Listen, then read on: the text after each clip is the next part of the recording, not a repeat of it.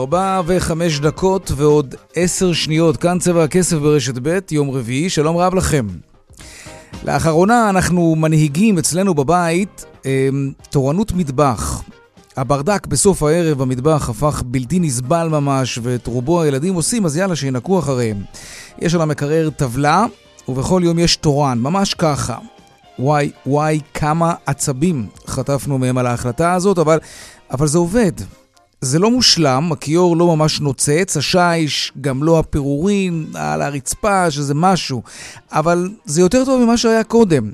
גם אם אחד הילדים יוצא בערב וחוזר מאוחר, אנחנו שומעים אותו מתלבש על המטבח, מנקה, מכניס למדיח, בקיצור, ממלא את חובתו. וזה גורם לי לחייך. לפני כמה ימים הם באו שלושתם ודרשו כאיש אחד כסף בתמורה לתורנות מטבח. הם הבטיחו שכסף יגרום להם לנקות יותר טוב, כי אנחנו מתלוננים כל הזמן שזה לא מושלם. אם נסרב לשלם להם, יש מצב שהם יעשו עבודה גרועה יותר. אני גם מכיר אותם, הם עלולים לאיים בשביתה ולשבות. אם נשלם להם, תבוא אחרי זה דרישה גם להעלאת שכר. זה גם מפספס את המטרה של להרגיש אחריות אישית למה שקורה בבית. עוד מעט יעלה לי כסף גם כשהם יורידו את השקית זבל למטה לפח, או יבקשו כסף גם על סידור החדר. זה כבר מעצבן עוד לפני שזה קרה. דילמה. דילמה כלכלית רצינית, גם דילמה חינוכית. בינתיים אנחנו מתעקשים שתורנות מטבח זה עניין ערכי שלא משלמים עליו. אנחנו עוד בעיצומו של המשא ומתן עם הילדים על העניין הזה, ומה אתם אומרים על זה? תכתבו לנו. כסף. מי המציא את הדבר הזה בכלל? וכאן צבע הכסף מעכשיו עד חמש, רונן פולק עורך את התוכנית, אביגל בסור מפיק את צבע הכסף, הטכנאי דני רוקי, הדועל שלנו, כסף כרוכית כאן.org.il, אפשר ליצור קשר גם בדף הפייסבוק שלנו, כאן ב', אני יאיר ויינרב, מיד מתחילים.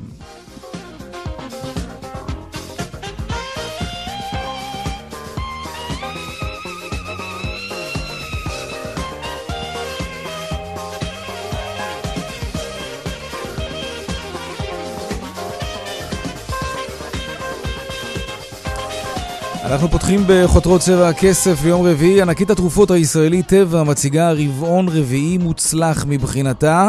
שלום ליאל קייזר, כתבתנו לענייני כלכלה. נראה שקאר שולץ יכול קצת לחייך, אבל לא חיוך רחב מדי. כן, יאיר טבע אה, מפרסמת היום את הדוחות הכספיים שלה לרבעון הרביעי של 2019 ולשנה כולה, ואכן הרבעון הרביעי נראה טוב מן המצופה, הכנסות של 4 מיליארד ו-600 מיליוני דולרים, אה, בניגוד לתחזיות שציפו הכנסות אה, נמוכות בכ-300 מיליון דולר, אבל כמו שאתה אומר, המבט הוא קדימה לשנה הנוכחית. על פי הערכות שנותן המנכ"ל קאר שולץ, ההכנסות ב-2020 הסתכמו בבין 16 מיליארד ו-600 מיליון שקלים ל-17 מיליארד דולרים, כלומר, לא יהיה גידול משמעותי בהכנסות. ליאל קייזר, כתבתנו לענייני כלכלה, תודה רבה על הדיווח הזה. נגיף קורונה, בהנחיית שר החוץ כץ, משרד החוץ פנה לרשויות היפניות בבקשה להוריד את האזרחים הישראלים מספינת התענוגות שהוגנת מול חופי יפן ולבדוק אפשרויות לבידוד אחר. שר הבריאות ליצמן שוחח הבוקר עם כמה מהנוסעים הישראלים שמוחזקים בהסגר בספינה הזאת ואמר להם כי משרדו יעמוד לרשותם ככל שיידרש. אנחנו עומדים בקשר כל הזמן עם שגרירות, ממשלת יפן, ואם חלילה וחס יהיה מקרה או מה שיהיה שם, עלינו, אנחנו נעביר אתכם כאן לארץ. הטיפול יהיה בארץ, לא שם. אם צריך משהו, תודיע לנו. לנה סמואלוב מהספינה ביפן, היא פחות התרגשה מדבריו של השר ליצמן. הוא אפילו לא מסתכל לכיוון מצלמה שנראה עיניים שלו, הוא משחק עם משהו בידיים שלו. שלוש משפטים כלליים אנחנו נשתדל לעשות, אנחנו זה, אנחנו ביחד עם קונסוליה. אני לא יודעת למה בכלל הייתה השיחה הזאת. עוד מעט נעסוק בהרחבה גם היום בנגיף קורונה והשלכותיו על המגזר העסקי. נדבר גם על ההחלטה אה, של מרבית חברות הביטוח שלא למכור עוד ביטול, ביטוח לביטול טיסות ליעדים במזרח, וגם מה אומר החוק על מי שנאלצים להיות בהסגר אחרי שחזרו מסין. האם המעסיק שלהם מחויב בתשלום המשכורת שלהם למשל? משרדי הביטחון, האוצר ורשות מקרקעי ישראל חתמו היום על הסכם משלים לפינוי מחנות צה"ל הגדולים באזורי הביקוש במרכז הארץ.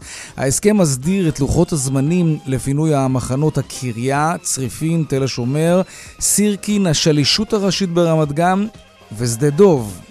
שכבר פונה. בסך הכל יפנה משרד הביטחון בעשר השנים הקרובות כעשרת אלפים דונמים מבסיסי צה"ל בגוש דן ובחיפה, כפי שאומר לצבע הכסף אלון יפרח, ראש יחידת מתווה באגף אה, אמון במשרד הביטחון. על השטחים המתפנים ניתן יהיה להקים מיליוני מטרים של מסחר ותעסוקה ועשרות אלפי יחידות דיור, כך שיש פה בשורה גם בהקשרים של מענה לצרכים של משק הדיור וגם כמובן הכנסה מאוד נאה לאוצר המדינה. יש פה כמובן גם בשורה לפריפריה שבה יוקמו בדרך כלל אותם מתקנים חדשים.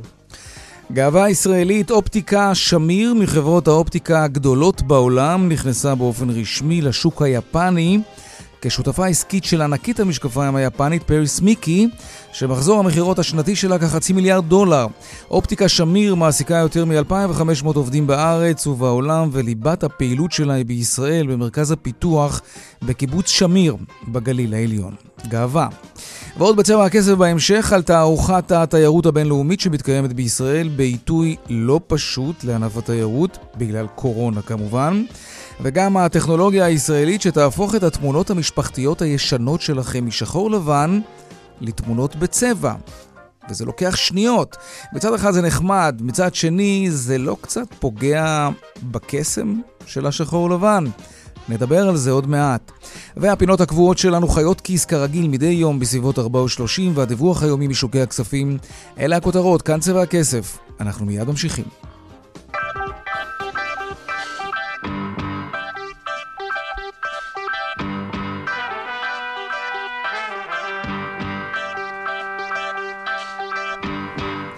טוב, אז בשבועות האחרונים עוקבים בדריכות כלי התקשורת בארץ ובעולם אחרי ספינת התענוגות מול חופי יפן, זו שכבר אה, זכתה לכינוי המפוקפק ספינת קורונה. בספינה הזאת שוהים אלפי נוסעים, בהם גם כמה ישראלים שנמצאים כבר אה, כמעט שבועיים בהסגר בחדרים שלהם. שלום סימן עובדיה, בעלים של חברת קרוז טור. שלום. שמע, זה בטח הסיוט הכי גדול שיכול להיות לאדם כמוך. שממנכ"ל חברת קרוזים. אה, כן, אבל אתה יודע, עברנו כבר אה, כמה אירועים אה, לא פשוטים בענף התיירות, בחיינו. מה, בממדים נכון כאלה שספינה שלמה מושבתת ונמצאת בהסגר עם אנשים חולים? כן. כרגע אתה מדבר על איזשהו נושא בריאותי שקשור לווירוס. כן. אני מזכיר לכולנו שבענף התיירות עברנו גם אה, לפני אה, שנים אה, לא מעטות את מגפת הסארס, היו, כבר חווינו מבצעים ביטחוניים וכאלה, כך שאנחנו מבינים שיש כאן אירוע בהחלט חריג, כן. אבל כמו שאני רואה, הוא, כמו שאני מאמין, על סמך הניסיון, הדברים יעברו ו... ובהקדם, אה, אתה יודע, אנחנו מקווים בהקדם האפשרי, כן. טוב, בואו ננסה להבין קצת מה קורה. אבל בהחלט כרגע יש אירוע לא, לא נעים בכלל. כן, בואו בוא ננסה רגע להבין מה קורה בתוך ספינת ענק כזאת מבחינת um, שירות, אספקה, לוגיסטיקה. איך, איך מתפקדים כשיש חשש כבד כל כך מווירוס שעלול להדביק גם את העובדים עצמם? שמע, קשה לי לענות, אתה שואל אותי אה, שאלה שאיך שהיא נוגעת אה, ככה יותר בפן המקצועי. לאנשים שעוסקים במלאכה, ואני לא, לא, לא רוצה לעסוק בתחום הזה, כי באמת... אה, לא, אבל נאמר, אני... בספינות שלכם, הצוות, יש נגיד כל... את המסכות האלה אם צריך? אה, יש לא, איזשהו ציוד שמה, רפואי אני... בסיסי? אני רוצה רגע לעצור, כן. ואני כן. לא נכנס לכיוון הזה, כי אתה יודע, קודם כל זה לא ספינות שלנו, אנחנו חברה שעוסקת בטיולים מאורגנים. ובעצם את הטיולים שלנו, שרובם ככולם הם טיולים, טיולי שיט, אנחנו בעצם uh, מארגנים באוניות ששייכות לחברות אמריקאיות, חברות איטלקיות, mm-hmm. שבעצם uh, הן, הן uh, אלה שאחראיות על הדבר הזה. יש לנו קבוצות מעת לעת ששתות, וגם באוניות הגדולות הללו, וגם דרך אגב בספינות נהר ברחבי אירופה. אז אה, לא הייתי נכנס כל כך לנושאים הפרוצדורליים האלה שאתה אה, נוגע בהם, כי אני לא כל כך מבין בהם. לא, אבל אתה יודע, אני מתאר לעצמי, אני מתאר לעצמי שכשלקוח כן. מתקשר אליך ומזמין מקום עכשיו לקרוז, אז אתה יודע, דווקא עכשיו כשיש מודעות, אז הוא שואל אותך, תגיד, אם חלילה קורה דבר כזה, מה, מה יש בספינה שיכול לעזור לי להתמודד? אה, אני מניח שהשאלות שאני שואל אולי גם עשויות להישאל על ידי לקוחות. שמה, אז מה אתה אומר? אני לא יודע. זה, כן, זה, זה אירוע ברמה מאוד חריגה. כן. לא מה שאנחנו יכולים, אה, אה, אף אחד לא יתכונן אל האירוע בסדר גודל כזה אה, מעולם, ולכן בדיוק לומר לך את התשובות. אוקיי. אבל uh, אני משאיר את הנושאים הללו, אתה יודע, ל- לרשויות, uh, לחברות uh, שמארגנות, ש- ש- שהאוניות שייכות להן. טוב, אז בוא נדבר על קורסים. אני מניח שאם, תראה, זה אירוע חריג, אתה יודע. צריכים לקחת כן. את זה בפרופורציות, זה לא משהו שאנחנו uh, uh, מצפים שיקרה, ו... אה, יוסיף ויקרה. Mm. עד כמה שאני ככה מכיר את הענף הזה, זו הפעם הראשונה שבאמת יש אירוע בסדר גודל כזה. Mm. וגם כאן, חבר'ה, נקודתית, קרה בספינה אחת, נכון, יש כאן עניין להיכנס לפרופורציות, בסדר, אוקיי, בוא... אבל קצת פרופורציות, אני בכלל לא בוא נצטמצם קצת לכיוון החוויה. בוא נדבר קצת על קרוזים. זה לא עניין לעשירים בלבד היום קרוז, נכון? לא, ממש לא. אה, תקשיב, המוצר הזה שבתוכו אה, נותן לך מענה מושלם גם ברמה של פינוק, גם בכל ההקשר הזה שהוא יכול, המלון הצף הזה ברמה גבוהה מביא אותך כל יום ליעד אחר, אז קודם כל מבחינת הנוחות והתנאים הוא אה, באמת נותן מענה מושלם, אני אומר, למי שחושב על חופשה מפנקת. ו... אם נסתכל גם על המחיר, היום מחירים של אה, קרוזים אה, שכאלה הם באמת יכולים אה, להתאים כמעט לכל כיס. לא, לא, בל נשכח שבחבילה כזאת של קרוז אתה מקבל בפנים גם את האוכל, כבר את כל ההופעות, את הכל בכל מכל, כל מיני mm-hmm. פעילויות וכן הלאה. כמה יכול לעלות לאדם, נגיד, שבוע בקריבים? שנייה, לפני שאני אומר לך קודם כל את הסכום, אני רק רוצה לומר, היתרון המשמעותי ביותר שהיום אה, ככה, שאנחנו הבאנו אה, לענף התיירות הוא בדמות אה, טיול שיט מאורגן. כי הרי אה, עדיין אה, אה, יש לא מעטים שנוסעים ל... לשייט כזה באופן עצמאי, רוכשים לעצמם את הטיסה לבד, את הקרוז וכן הלאה, את המלונות, ואנחנו הפכנו את הדבר הזה לטיול מאורגן שכולל בתוכו גם את הטיסות, את הקרוז, את הסיורים, את ההדרכה, ועכשיו מזמינים פחות בגלל מה שקרה? גם אם זה לא פרופורציונלי, אתה יודע, אנשים מבטלים גם טיסות. טבעי, כן. אז כן, באופן טבעי, שמע, יש אה, בהחלט אה, כרגע איזושהי בהלה מסוימת. ואנחנו, אנחנו גם? חווים גם ביטולים מסוימים, אבל mm-hmm. לנו, לשמחתנו, יש גם uh, באמת uh, מוצר נוסף שהוא הפך להיות מאוד פופולרי, ונקרא שייט נהרות. שייט נהרות, מדובר על ספינת נהר מפוארת ששטה בלב אירופה ברוב המקרים, mm-hmm. בדנובה, בריין, כך שאנחנו מפנים חלק מהאנשים שככה קצת חוששים אחרות. אה, לנסוע לכיוון כן. הקרוזים במזרח, אנחנו מפנים אותם למוצר הזה ברחבי אוקיי. אירופה, סימן. שם הכל יותר רגוע. סימן עובדיה, בעלים של חברת קרוז טור, תודה רבה. תודה לכם, ויהיה בסדר חברים, עוד מעט זה יעבור. כן, מקווים כולם. תודה. ביי. עכשיו נדבר על ביטוחי נסיעות. מתברר שמרבית חברות הביטוח בארץ הודיעו שהן לא יאפשרו לרכוש ביטוחי uh, ביטול טיסות לסין וליעדים נוספים במזרח, לפחות עד חודש יוני. שלום טיירי uh, גננסיה, מנהל ביטוח uh, ביטול טיסה בהפניקס. שלום. שלום יאיר. קודם כל בוא נבחין בין ביטוח נסיעות שמתייחס לשהות עצמה ביעד לבין ביטוח ביטול טיסה שעושים אותו כדי לא לאבד את כל הכסף במקרה שנאלצים לבטל את הנסיעה כולה, נכון? אנחנו מדברים על שני דברים שונים. נכון, ישנם כיום בשוק שני מוצרי ביטוח מרכזיים למי שטס לחו"ל. האחד זה בעצם ביטוח ביטול טיסה מכל סיבה, Trip Guarantee. שהמוצר הזה בעצם מיועד למי שטס ברגע שתזמין את הטיסה שלו, הוא עושה את הביטוח, והוא מבוטח עד רגע הנסיעה ויכול לבטל כל סיבה שהיא ולקבל החזר של דמי הביטול שלו. זה המוצר הראשון. המוצר השני זה המוצר הנפוץ שכולנו מכירים, זה הביטוח נסיעות, אה, שעיקר הכיסוי שלו מיועד בעצם לצד הבריאותי כשהנוסע נמצא בחו"ל, כן. כולל גם כבודה ודברים כאלה. אז אנחנו מתמקדים עכשיו באמת באותו ביטוח, אה, למקרה שמשהו קורה ונאלצים לוותר עכשיו עשר, לבטל עשרה ימים בחו"ל, אז כדי שלא כל הכסף ירד לטמיון. ביטוח כזה, ביטוח כזה זה, זה סיפור יקר? כמה זה עולה אז, פחות או יותר? אז, אז זה הביטוח ביטול טיסה Trip Guarantee. אה, הביטוח הוא נע בין... 2.5% ל-10% מעלות ההזמנה או עלות הטיסה. אבל מצד שני, בעצם זה מה שמאפשר לצרכן בסופו של דבר לא להזמין הרבה זמן מראש. Mm-hmm. אה, ליהנות ממחירים נמוכים, ואז אה, בסופו של דבר אם קורה משהו, ואנחנו רואים עכשיו, חווים את זה עכשיו עם אירוע שהוא באמת אה, מאוד נקודתי ומאוד, שגורם מעט בהלה, מאפשר בעצם למי שיש לו כבר ביטוח ורכש את זה במועד, בעוד mm-hmm. מועד, לבטל ולקבל החזר של 80% ואפילו יותר בטריפ גרנטי. אוקיי, okay, אז אתם ביטלתם את האופציה הזאת לביטוח מהסוג הזה עכשיו בגלל משבר קורונה?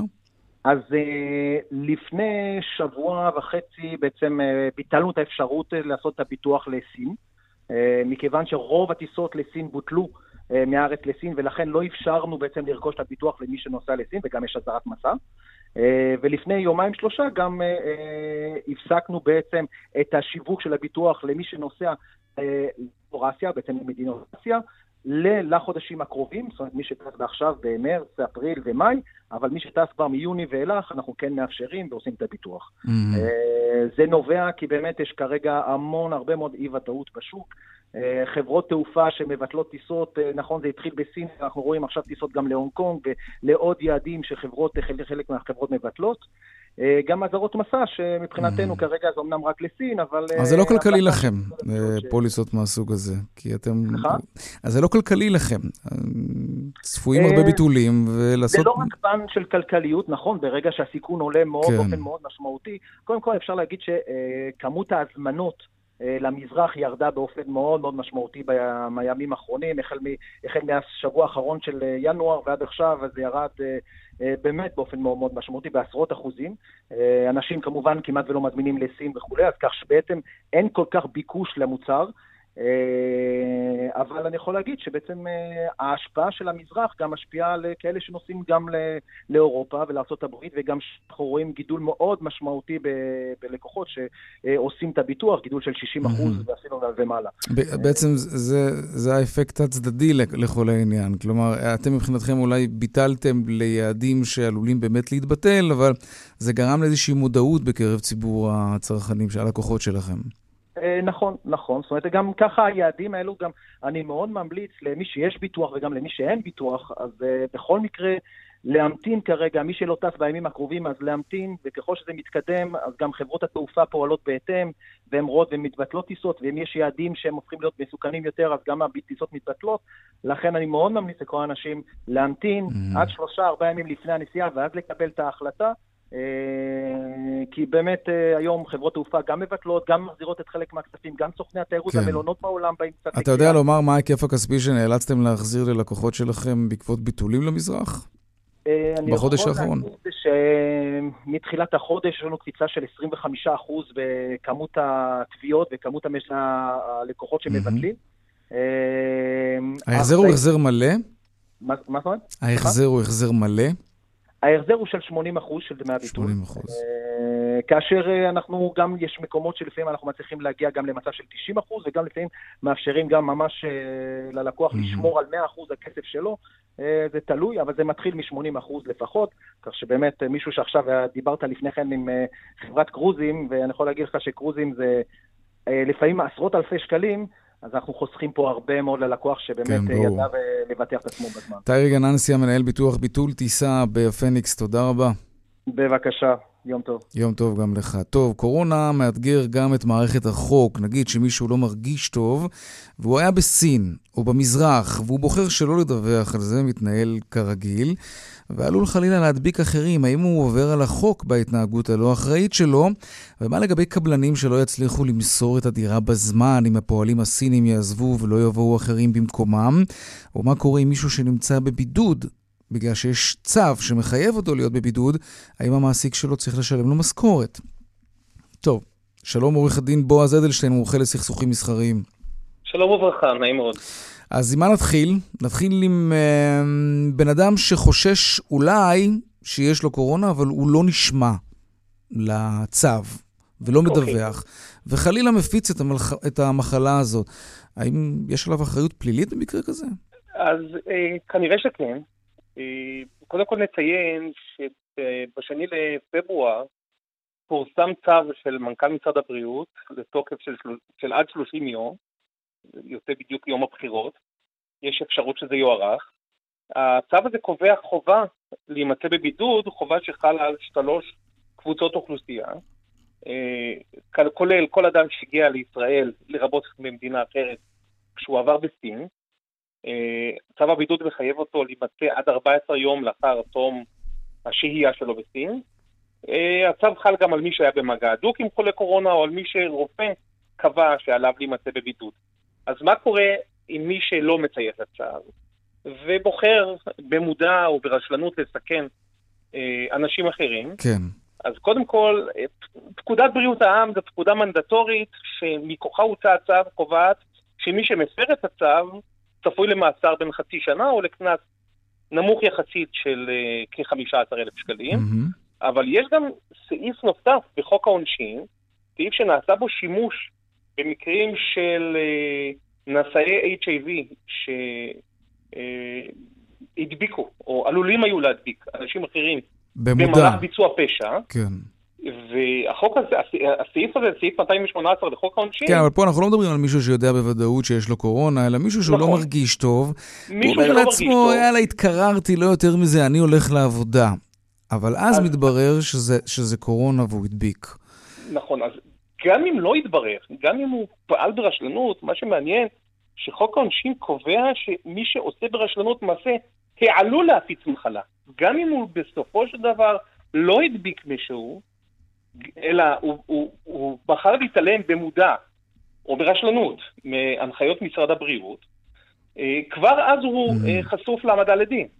אוקיי, אז לא, לא להתעסק עם העניין הזה. בואו בוא נדלג לדוגמאות. לא להתעסק עם העניין הזה, כן. ויש להניח גם שכולנו נחשפים להנחיות של משרד הבריאות, גם דרך אתר האינטרנט, גם התשדירים שאנחנו רואים את גדי אה, אה, מציין את ההנחיות הללו, קשה יהיה להישמע בטענה לא ידעתי. לא ידעתי, אז, כן. אז, זה, זה לא אז, לא המקרה. אז אנא ייזהרו, מעבר לחובה אם, המוסרית יש גם חובה משפטית. אם נגיד אני נמצא בבידוד בבית חולים, כן, אה, כן. והחלטתי שזה הספיק לי, האם בית החולים יכול למנוע ממני בכוח לצאת החוצה, לחזור הביתה? אה, שאלה טובה. אה, כעיקרון, יש אפשרות אה, לקרוא למשטרה ולחייב אנשים להימצא בבידוד. פקודת בריאות העם מעניקה סנקציות מאוד משמעותיות, לרבות כפייה על אדם להימצא במקום מבודד. Mm-hmm. אני מאמין שלא נגיע למצב הזה, כי מי שכבר הגיע לבית החולים, יש לו מודעות לעצם הסכנה, אני מניח שהוא יישמע להנחיות, תאורטית יש גם את האפשרות. תאורטית יש את האפשרות הזאת, אוקיי. אנחנו לא יודעים עדיין אם חלילה נדבקנו בזה, אבל אנחנו, uh, just to be on the safe side, נשארים בבית. האם כן. אלו ימי מחלה מוכרים? האם כן. המעסיק חייב לשלם לי את השכר במקרה כזה? כי אני, אני לא יודע אם אני חולה, אבל אני רק רוצה להיות בטוח. אז, אז בהחלט כן, מדובר בימי מחלה.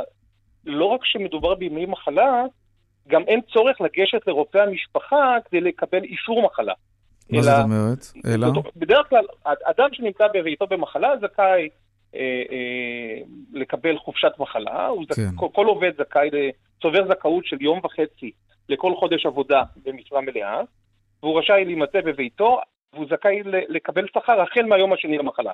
היום הראשון חל על העובד, והיום השני ואילך חלים על העובד. אה, אה, על, על העובד. זאת אומרת, היום הראשון חל על המעסיק, היום השני ואילך חלים על העובד.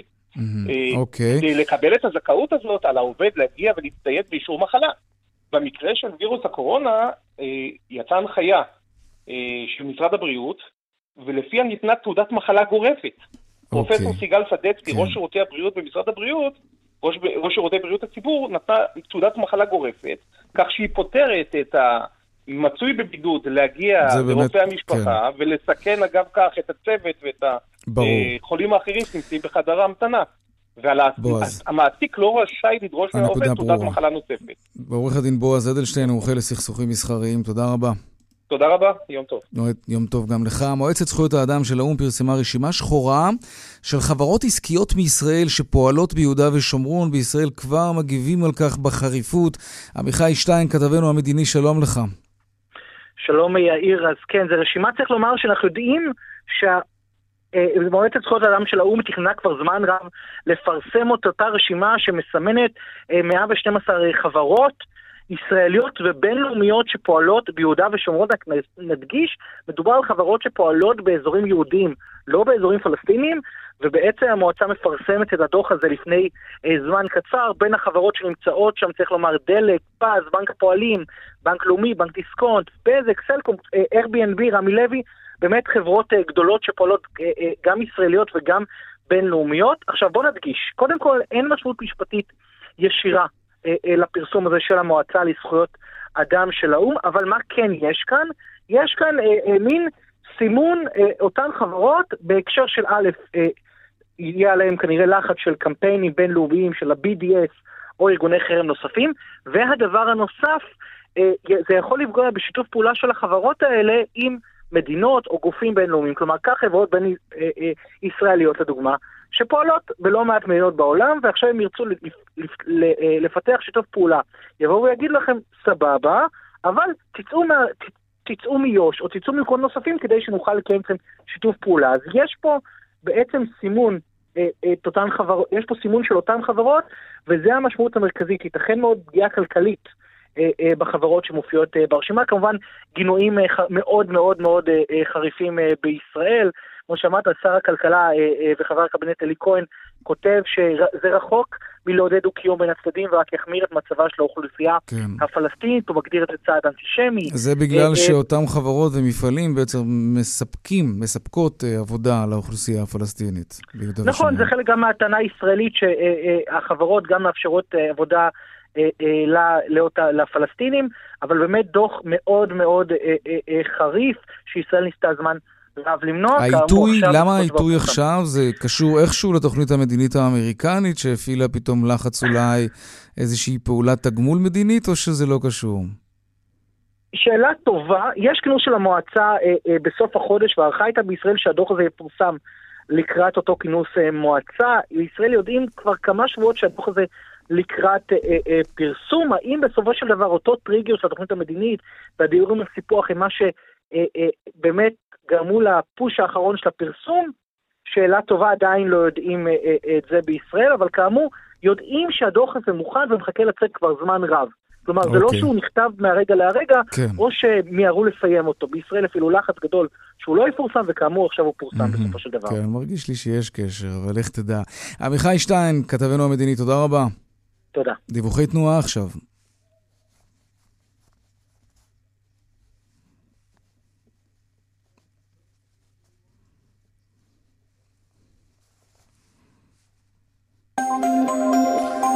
בדרך החוף צפון העמוס ממחלף חוף השרון עד מחלף נתניה, באיילון צפון העמוס ממחלף חולון וקיבוץ גלויות עד ארלוזרוב דרומה. יש עומס ממחלף קק"ל עד לגווארדיה. כן, דיווחים נוספים בכאן מוקד התנועה, כוכבי 9550, ובאתר שלנו, אתר התאגיד, אתר כאן, פרסומות, ומיד אנחנו חוזרים עם חיות כיס.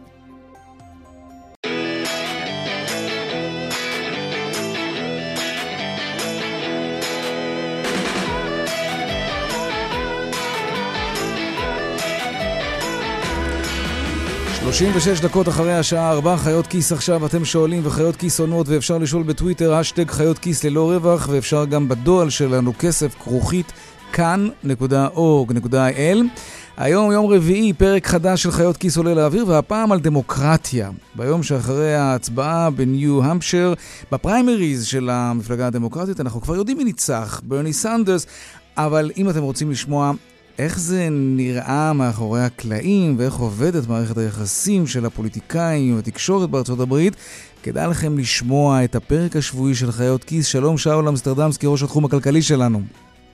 שלום יאיר ויינרב, מה שלומך? ספ... בסדר גמור, ספר לנו, מה, ככה איזושהי הצצה קטנה. אתה חוגג את הניצחון של ברני סנדרס, צפית לתוך הלילה והיום פתחת שמפניה? תשמע, אני קצת התלבטתי, אבל נראה לי שהוא יהודי, נכון? כן, לא בטוח שקשרים טובים עם ישראל כל כך טובים. כן, לא בטוח שהוא חובב ישראל גדול. כן, כן, שמענו, הוא חושב שבנימין נתניהו הוא מנהיג לא טוב, ב understatement. כן. יש לו המון ביקורת, כן.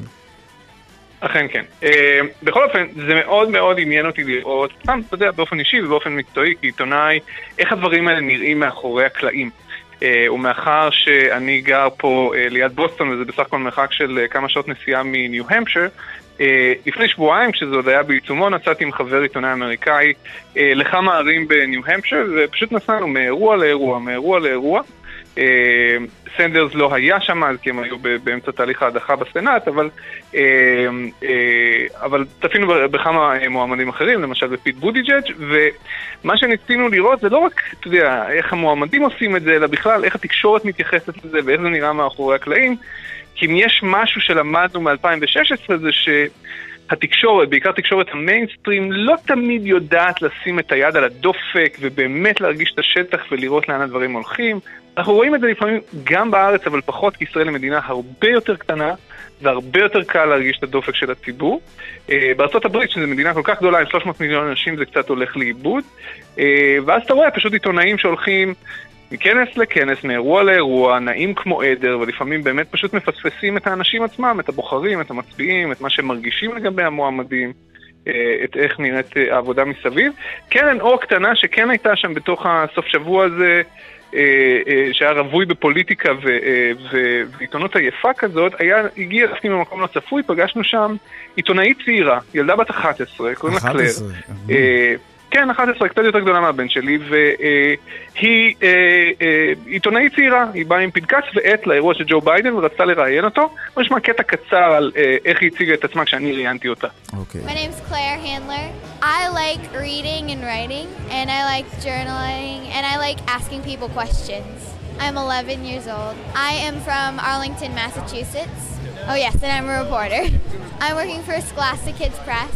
I like writing about political issues, and I interviewed some authors and illustrators. Yeah, I really want to learn more about the campaign, and I want to hear what Joe Biden has to say too. למה דווקא ג'ו ביידן? אבל אין ספק שיש לעתיד. זה אירוע שהם הגיעו אליו.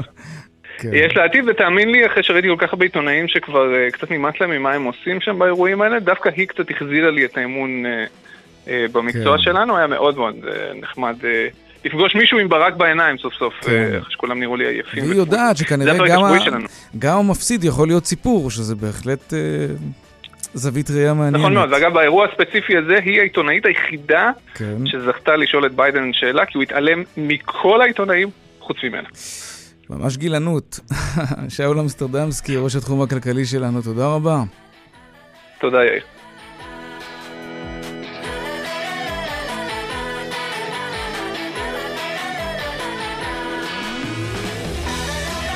20 דקות לפני השעה 5 אנחנו חוזרים לענייני קורונה. חברות התעופה והתיירות מהמזרח מנסות להילחם במגמה הזאת של הביטולים של התיירים הישראלים שחוששים מטבע הדברים מהנגיף. בכנס התיירות IMTM בתל אביב בלטו המדינות מאסיה שלא מוותרות על הקהל הישראלי וכן, הן מורידות מחירים באופן משמעותי כדי לנסות ולפתות אותנו להגיע למרות התפשטות הווירוס. Mm. שלום שרון עידן, כתבנו לענייני תיירות ותעופה. שלום, שלום יאיר. זה מצליח להם או עוד מוקדם מדי לדעת, ועד כמה ההנחות האלה מפתות באמת? הרי מי מוכן לשלם פחות ולסכן את בריאותו? תראה, קודם כל, יש תמיד כאלה שמוכנים, במיוחד כשאין לנו, נאמר, אזהרת מסע רשמית לחלק גדול אה, מהמדינות במזרח, אלא רק המלצה. אז מעגלים פינות, כן. אז מעגלים פינות, ויש כאלה שזה כן מתלבש להם, אבל באמת זה בסופו של דבר מיעוט. אני חושב שבעיקר צריך לומר לגבי הדוכנים הרבים מאוד ב-AMTM, ובכלל אה, לגבי המזרח הרחוק, שהם בעיקר, הייתי אומר, אה, יאיר, צופים פני עתיד, כלומר, הם מסתכלים קדימה, הם מניחים שיגיע גם היום שאחרי, ולכן בעצם מה שהם אה, רוצים עכשיו זה לנסות ולשכנע אותנו שאולי כדאי כן אה, לשים עליהם אה, לב ולא לשכוח אותם גם אה, בהמשך. מדובר, אני רוצה להזכיר לך, בלא מעט מדינות אה, שמציגות, עשרות רבות, מתוכן לפחות עשר במזרח, חלקן אפילו פעם ראשונה אה, לחלוטין. אגב, גם בעידן סיני נמצא כאן, אבל אם תהית, לא, לא הגיעו אה, חבר'ה מסין, אלא בעיקר אנשים שלמעשה עובדים כאן, בין היתר המרכז, מרכז התרבות הסיני וכדומה. בוא נשמע ביחד איתי דברים שאומר לנו אייל אברהמי. סליחה, אייל שמואלי, שהוא היושב ראש ובעצם מהמארגנים של ה-IMTM, בעצם למה שקורה שם בדיוק בהקשר הזה של המזרח, הנה. המזרח בכלל הוא תחום פורח. אמנם כרגע ספציפית קצת פחות, אבל בסך הכל זה תחום פורח. אה, אבל גם אתה רואה הרבה מזרח, אוזבקיסטן, טזיקיסטן, כל הסטן האלה, הרבה מהם נמצאים פה בתערוכה. יש לי חבר יווני, הוא כל שנה נוסע לאותו מקום, לטייל. אנחנו לא כאלה, אנחנו משעמם לנו. אנחנו צריכים יעדים חדשים כל שנה, וגם חברות התעופה למדו את זה ומריצות טיסות ליעדים חדשים כל הזמן. תשמע, אנחנו כישראלים מאוד מאוד אוהבים יאיר לגוון, אנחנו לא חוזרים בהכרח לאותו אה, היעד, במיוחד בעולם הלואו-קוסט של היום, שבאמת כל הזמן נפתחים קווים לכל מיני מקומות מעניינים כאלה ואחרים. ובין היתר הייתי אומר שמה שמאוד חזק בתערוכה זה כל מה שקשור לאיי יוון, לקפריסין, אבל הרבה מאוד גם למזרח אירופה, ובעיקר הייתי אומר לבלקן. ראינו את אזרבייג'אן עולה עם 17% מהשנה שעברה, את גיאורגיה שנוסקת גם היא אה, כלפי אה, מעלה, בולגריה שאנחנו מאוד אוהבים.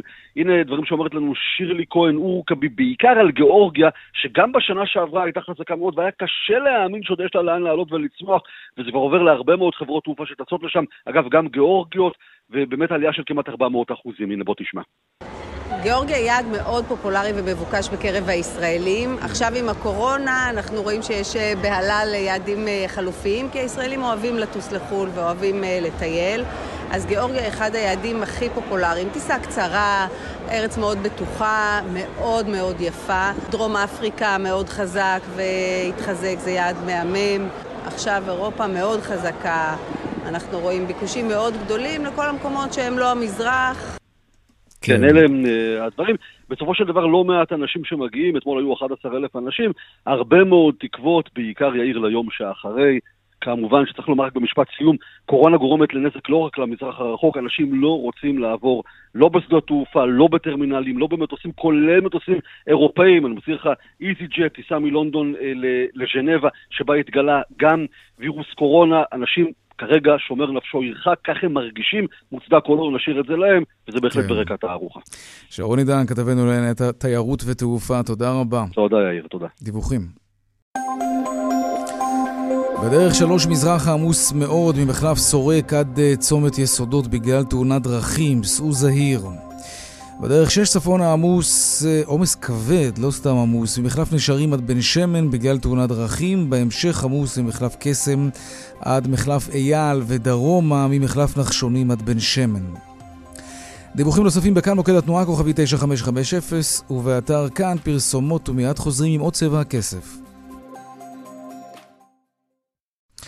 זוכרים את אה, חוק המזון, החוק שנכנס לתוקף לפני, נדמה לי, משהו כמו חמש שנים? הוא היה אמור להביא לירידת מחירים. האם הוא עשה את העבודה? לא לפי מחקר של רשות התחרות, ממש לא. שלום עורך הדין רון גוטמן, ראש מחלקת התחרות בפירמת עורכי הדין אה, בלטרגוט אלוני, שלום לך. שלום יאיר. קודם כל תזכיר לנו מה בדיוק קבע החוק הזה, איך בדיוק הוא היה אמור להביא לו את הירידת מחירים. חוק המזון נחקק, כפי שאמרת, לפני בערך חמש שנים, במטרה באמת להוריד את המחירים ולהגביר את התחרות בענף המזון mm-hmm. ומוצרי הצריכה.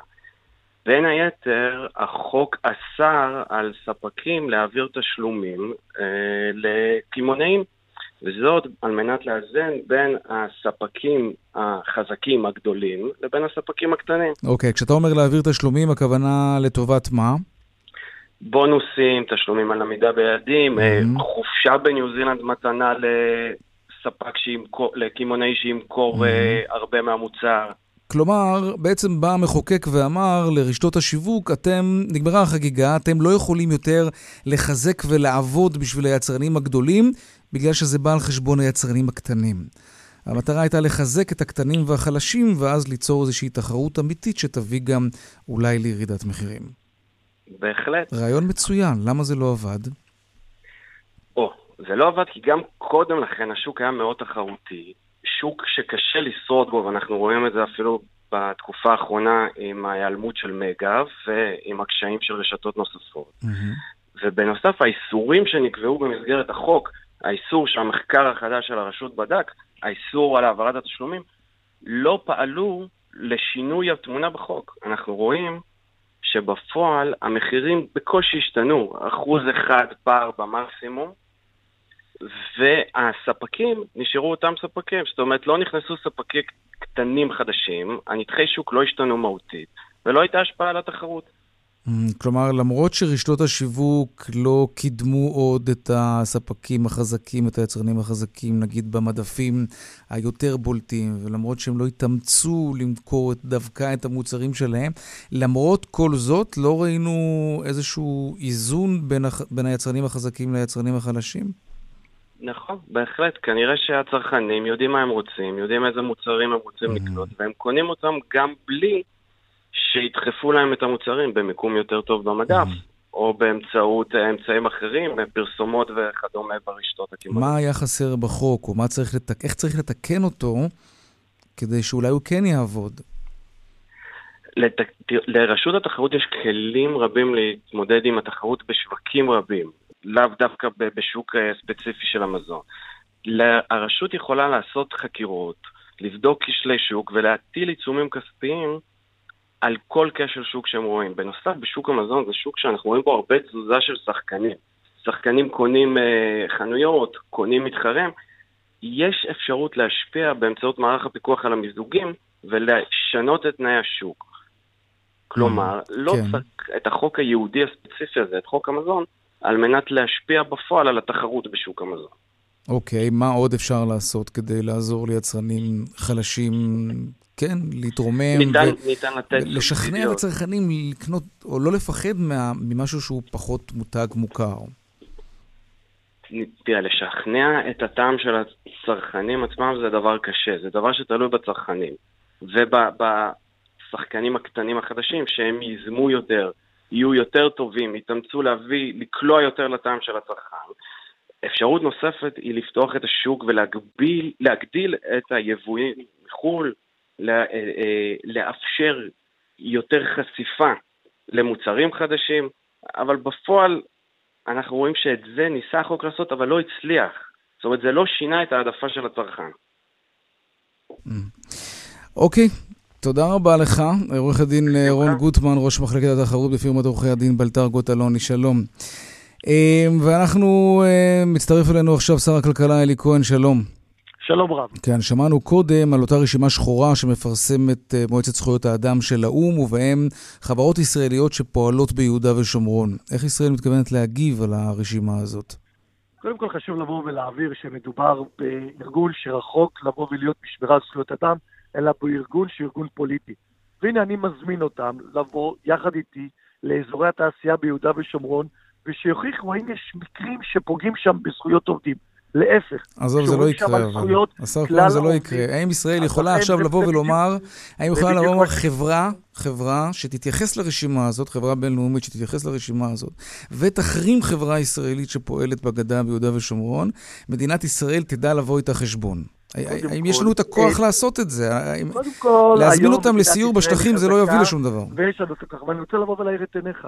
לארגון זכויות האדם באו"ם, אותו ארגון פוליטי, אין להמלצות שלו שום סמכות ממשית, שום יכולת בנושא הזה לבוא ולעשות סנקציות. כולם יודעים שחוץ מפוליטיקה קטנה של גורמים פרו-פלסטינים כאלה ואחרים, אין לזה אה, שום חשיבות ושום משמעות.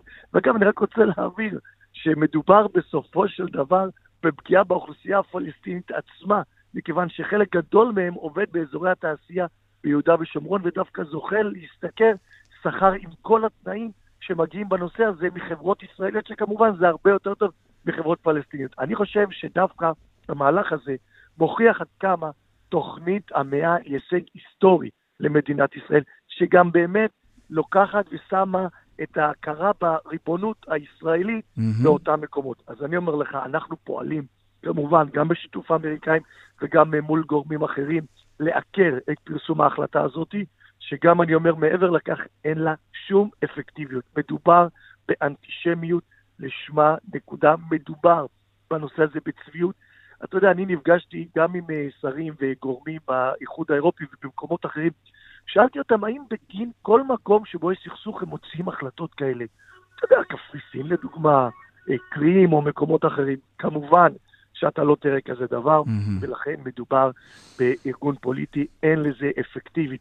שום משמעות. אנחנו עובדים בנושא הזה גם עם הגורמים נקווה באמת שזה לא יפגע בעסקים של אותם חברות. אני דווקא רוצה לומר עכשיו למי ששומע, דווקא את אותן חברות שפועלות ביהודה ושומרון, כן. תחזקו, תקנו, זה המדינה שלנו. אולי זה באמת הפתרון. ההחלטה הפוליטית הזאת, מעבר לנייר, שאפשר לבוא ולגרוס אותו, אין לה כן. שום ערך. אלי כהן, שר הכלכלה, תודה רבה לך על הדברים.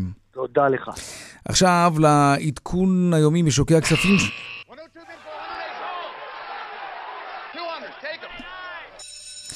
שלום דוד לוינסון, אנליסט בכיר ביחידת המחקר של בנק הפועלים. שלום, אה, אחר צהריים טובים יאיר. נכון לשעה זו מתאפיין יום המסחר בבורסה בתל אביב בעליות שערים. מדדי תל אביב 125 ו-35 רושמים עלייה של כאחוז. כחצי שעה לפני תום המסחר, מחזורי המסחר בינוניים ונעים סביב 1.3 מיליארד שקלים. בבורסות באירופה המסחר מתנהל גם הוא בעליות שערים של כשבע עשיריות האחוז. עם פתיחת המסחר בוול סטריט נרשמות עליות שערים, מדד ה-S&P 500 עולה בכשש עשיריות האחוז, כן. והנאסד"ק עולה בכשבע עשיריות האחוז. נסיים בשוק המטח, הדולר מתחזק בכעשירית האחוז למול השקל. תודה, תודה דוד. שלושה שקלים 42. תודה, תודה. עד כאן צבע הכסף, רונן פולק ערך את התוכנית, אביגל בשור מפיק צבע הכסף, הטכנאי דני רוקי, אני יאיר ויינרב, מיד אחרינו כאן הערב, שלום שלום.